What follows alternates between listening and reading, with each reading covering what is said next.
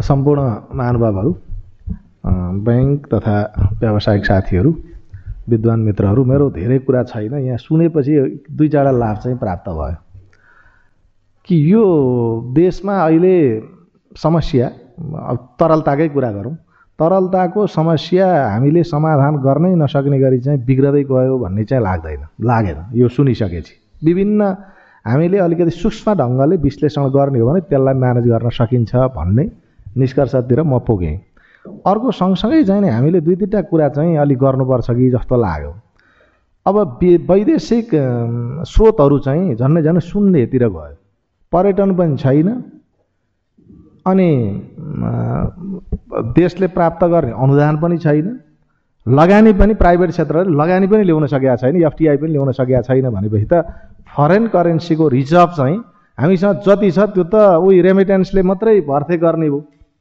अब यो चाहिँ अलिक डरलाग्दो छ। यसलाई नियन्त्रण गर्न सरकारले के गर्नुपर्ने हो? त्यो उपायहरू अवलम्बन गर्नुपर्छ भन्ने लाग्छ।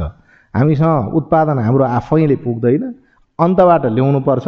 त्यो फरेन करेन्सीको रिजर्भ चाहिँ सिद्धिँदै गयो भने हामीले रेमिटेन्सबाट जति गर्न पर्ने हो त्योभन्दा बाहेक चाहिँ अब नगर्ने हो कि भन्ने तहमा चाहिँ जानुपर्छ कि भन्ने लाग्छ। यसै सन्दर्भलाई लिएर अर्थमन्त्रीलाई राष्ट्र ब्याङ्कलाई हामीले यो वर्तमान यो इन्डिकेटरहरू कस्तो भइरहेको छ? अब हामी कसरी अगाडि बढ्छौँ?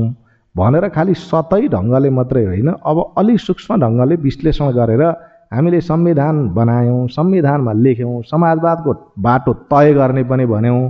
तर हामी चाहिँ हिँडाइ चाहिँ कस्तो छ भन्दाखेरि माथि माथि मात्रै हिँडिराखेका छौँ अलिक गहिरो गरी हिँडिया छैन।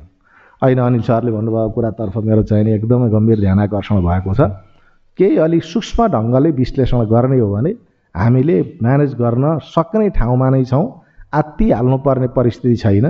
अब विकास भने चाहिँ अलि निराश हुनुपर्ने ठाउँमा उपाध्यक्ष भइसकेपछि तपाईँ अब अलि धेरै समस्याहरूसँग जोडिँदाखेरि त्यस्तो लाग्यो होला। तर त्यस्तो पनि छैन। तर राजनीतिक दलले जुन भिजन दिनुपर्ने हो नेताहरूले जुन भिजन दिनुपर्ने हो भिजन दिएर मात्रै पुग्दैन। त्यसरी त्यसलाई कार्यान्वयन गर्नको निम्ति जुन गहिराइका साथ जानुपर्ने हो। त्यो केही अभाव चाहिँ पक्कै पनि हो।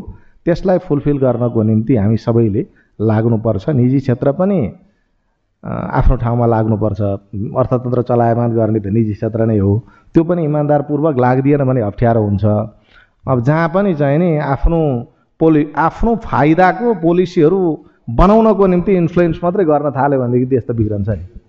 त्यसैले गर्दाखेरि अहिले चाहिँ जहाँसुकै यसो हेर्दाखेरि पोलिसी करप्सन चाहिँ यहाँ अलि मेजर छ।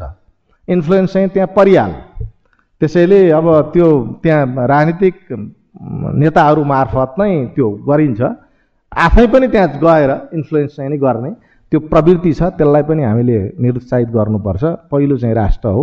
हाम्रो नाफा त आफ्नो ठाउँमा छँदैछ। लगानी गरेपछि नाफा त कमाउँछौँ नै।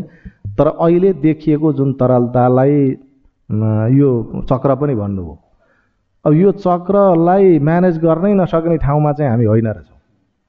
हामी दि सरकारले खर्च गर्ने समय र ब्याङ्कले खर्च गर्ने समय चाहिँ नि उल्टो पाल्टो पर्यो। नमिल्या छ यसलाई मात्रै अलिकति मिलाउन सकियो र सरकारले चाहिँ पैसा बैङ्कमा राखिदिने किन राष्ट्र बैङ्कमा लगेर राख्नु पऱ्यो र सरकारले आफ्नै बैङ्क भनेर पत्याएका बैङ्क पनि छन्। सरकारकै आफ्नै चाहिँ नि स्वामित्व रहेको बैङ्क छ। त्यसैले अनिल सरले कुरा ठिकै गर्नुभएको छ। त्यसरी हामीले केही अलिक सूक्ष्म ढङ्गले अगाडि बढ्यौँ र केही संस्थागत निक्षेपकर्ताहरू छन् जो सरकारी निकाय नै हुन्। उनीहरूलाई पनि हामीले उनीहरू त ब्याज खान बसिया होइन होला नि। त्यसैले ब्याज खानेको निम्ति बसिया जसरी नराखेर जाने हो भनेदेखि केही समस्या समाधान निस्कन सक्छ। त्यसै सन्दर्भमा हामीले निकट भविष्यमै दुई चार दिनभित्रै अर्थमन्त्रीज्यूलाई राष्ट्र ब्याङ्कलाई दुईवटा निकायलाई देखिएको समस्या समाधान गर्नको निम्ति तपाईँसँग के के उपायहरू छन्? ती उपायसहित आउनुहोस् भनेर बोलाएका छौँ। त्यहाँ यहाँहरूलाई पनि हामी फेरि आमन्त्रण गर्छौँ। उहाँहरूसँग छलफल भइसकेपछि हाम्रो यो आफ्नै समस्या हो। आफ्नो समस्या समाधान गर्नको निम्ति हामी सकारात्मक ढङ्गले लाग्यौँ भने सकिन्छ। अगाडि बढौँ। र अहिले देखिएको समस्या समाधान गर्नको निम्ति चाहिँ केही मेजरहरू पनि केही राष्ट्र ब्याङ्कले आफ्नो कुरा आफै गरोस्। सरकारले पनि गरोस्। हामीले हाम्रो ठाउँमा गुनासो त गरौँला तर समस्याहरू छन् समस्या समाधान गर्नको निम्ति सम यो यो यस्तै बेलामा हो।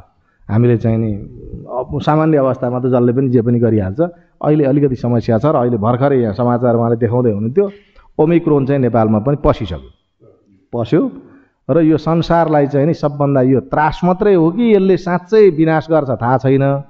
तर संसार चाहिँ अहिले अलिक ठुलो त्रासमा छ र अर्थतन्त्र चाहिँ अलि अलि अप्ठ्यारो गति तिर गइरहेको संसारकै गति छ।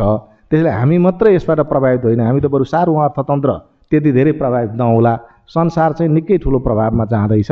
यसप्रति पनि विचार गर्दै हामीले हाम्रो पाइलाहरू चालौँ। यो कार्यक्रम आयोजना गर्नुभयो। धेरै फिडब्याकहरू पाइयो।